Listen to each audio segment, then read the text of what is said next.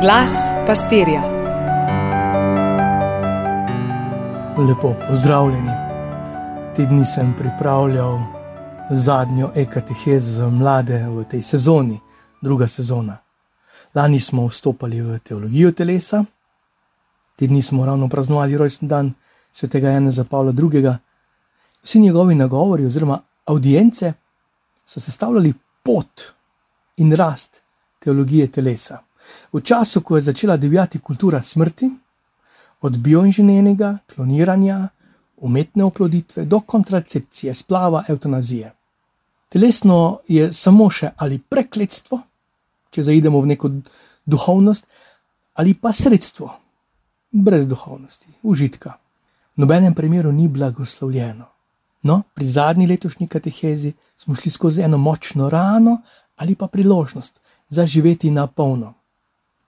Letos smo odkrivali poti konkretne svetosti, tako da smo si približali svetnike, znane in manj znane, in hkrati raziskovali pogled na poglavitne grehe.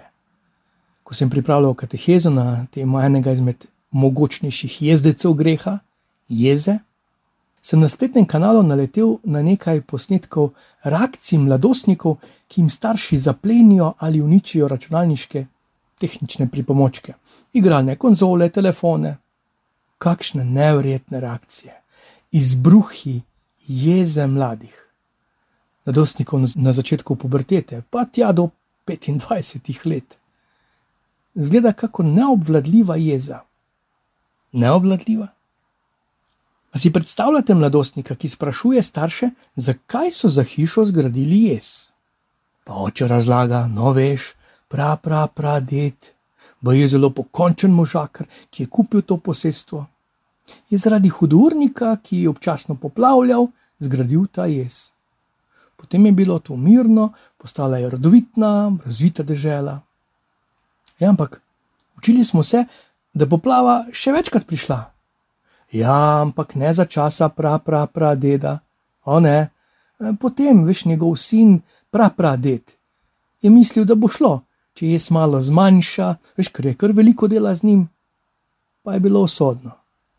Pa se veš, poplave tudi niso vsako leto, niti ne vsakih deset let, ko pride, pride, nič ne morš. Zato imamo mi jez iz kartona. Ja, bolj enostavno je, hitro ga postaviš, ekološko. In tudi, če pride do povodni, ne bo velike škode, jaz se bo z lahkoto postavil z minimalnimi stroški nazaj v pravotno stanje. Ja, ampak, ata, vsi v dolini bomo umrli. Papirnato prijateljstvo, papirnata solidarnost, kartonasta ljubezen, papirnato upanje, papirnata vera. Si predstavljate nekoga, ki pride na razgovor za službo in sploh ne ve, zakaj bi rad to službo? Si predstavljate, da mlad fant, ki hoče pritegniti pozornost nekega dekleta, svojemu prijatelju ne bi znal povedati razloga, zakaj si za to tako prizadeva?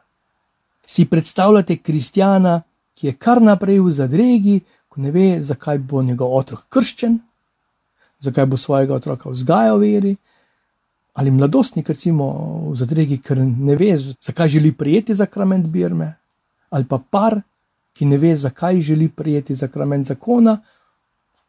In to ne papirnati jaz, papirnati temelj. Potujemo s prvo crkvijo, ne delajmo si utvar, kako fajn je bilo eh, biti kristjan v prvi crkvi. Preganjali so jih tisti, ki jih niso poznali, kot se to dogaja danes po svetu, in pri nas, preganjali so jih tisti, ki so jih poznali, kot se to dogaja danes po svetu in pri nas. Nič koliko držav je še na svetu, kjer javno izpovedovanje vere ni dovoljeno ali pa celo smrtno nevarno. Lahko pa se preganjanje obleče v žamet. Malo nazaj smo brali, da so Pavla in Barnaba obstopile pobožne in ugledne žene in mestni veljaki, ki so bili nahujskani zoprnjujo potem ko so druge videli, kaj Bog dela. Po apostolih so jih začeli po božje častiti. Apostoli so te to preprečili, ampak hitro so se našli kamni in palice. Pavla so pretepli, kamenjali in to ne enkrat, tako rekoč do smrti. In danes smo priča močnemu prepiru. Vprašanje pravovernosti, zveličanja, prave smeri, kako naprej. A je to nov nauk ali je to nov način? In so šli iskati odgovor k temelju. Niso šli do papirnatega temelja, niso šli do samovšečnih apostolov, prišli so do samega ribiča z veliko pisano, do kamna, ti si skala, na tebi bom se zidal svojo crkvo, do pastirja, ti boš ljudi lovil. Zbeganost in nemir, kot beremo v besedi, o kateri govori Luka, sta v edinosti crkve izginila, ne papirnate edinosti, ko imamo ljubezen na jeziku. Ko pride prvi veter nestrinjanja in naliv drugačnosti, pa je že vse poplavljeno v obrekovanju, opravljanju in škodovanju. Gradili so na Jezusu Kristusu in tako so sami postali temeljni kamni poveličene cerkve, o kateri govori Janez v razodetju, drugo berilo. Tako močno so se vzidali, da so postali deležni imena jagnjeta. Spominjali so na jagnje in vodili so k jagnjetu.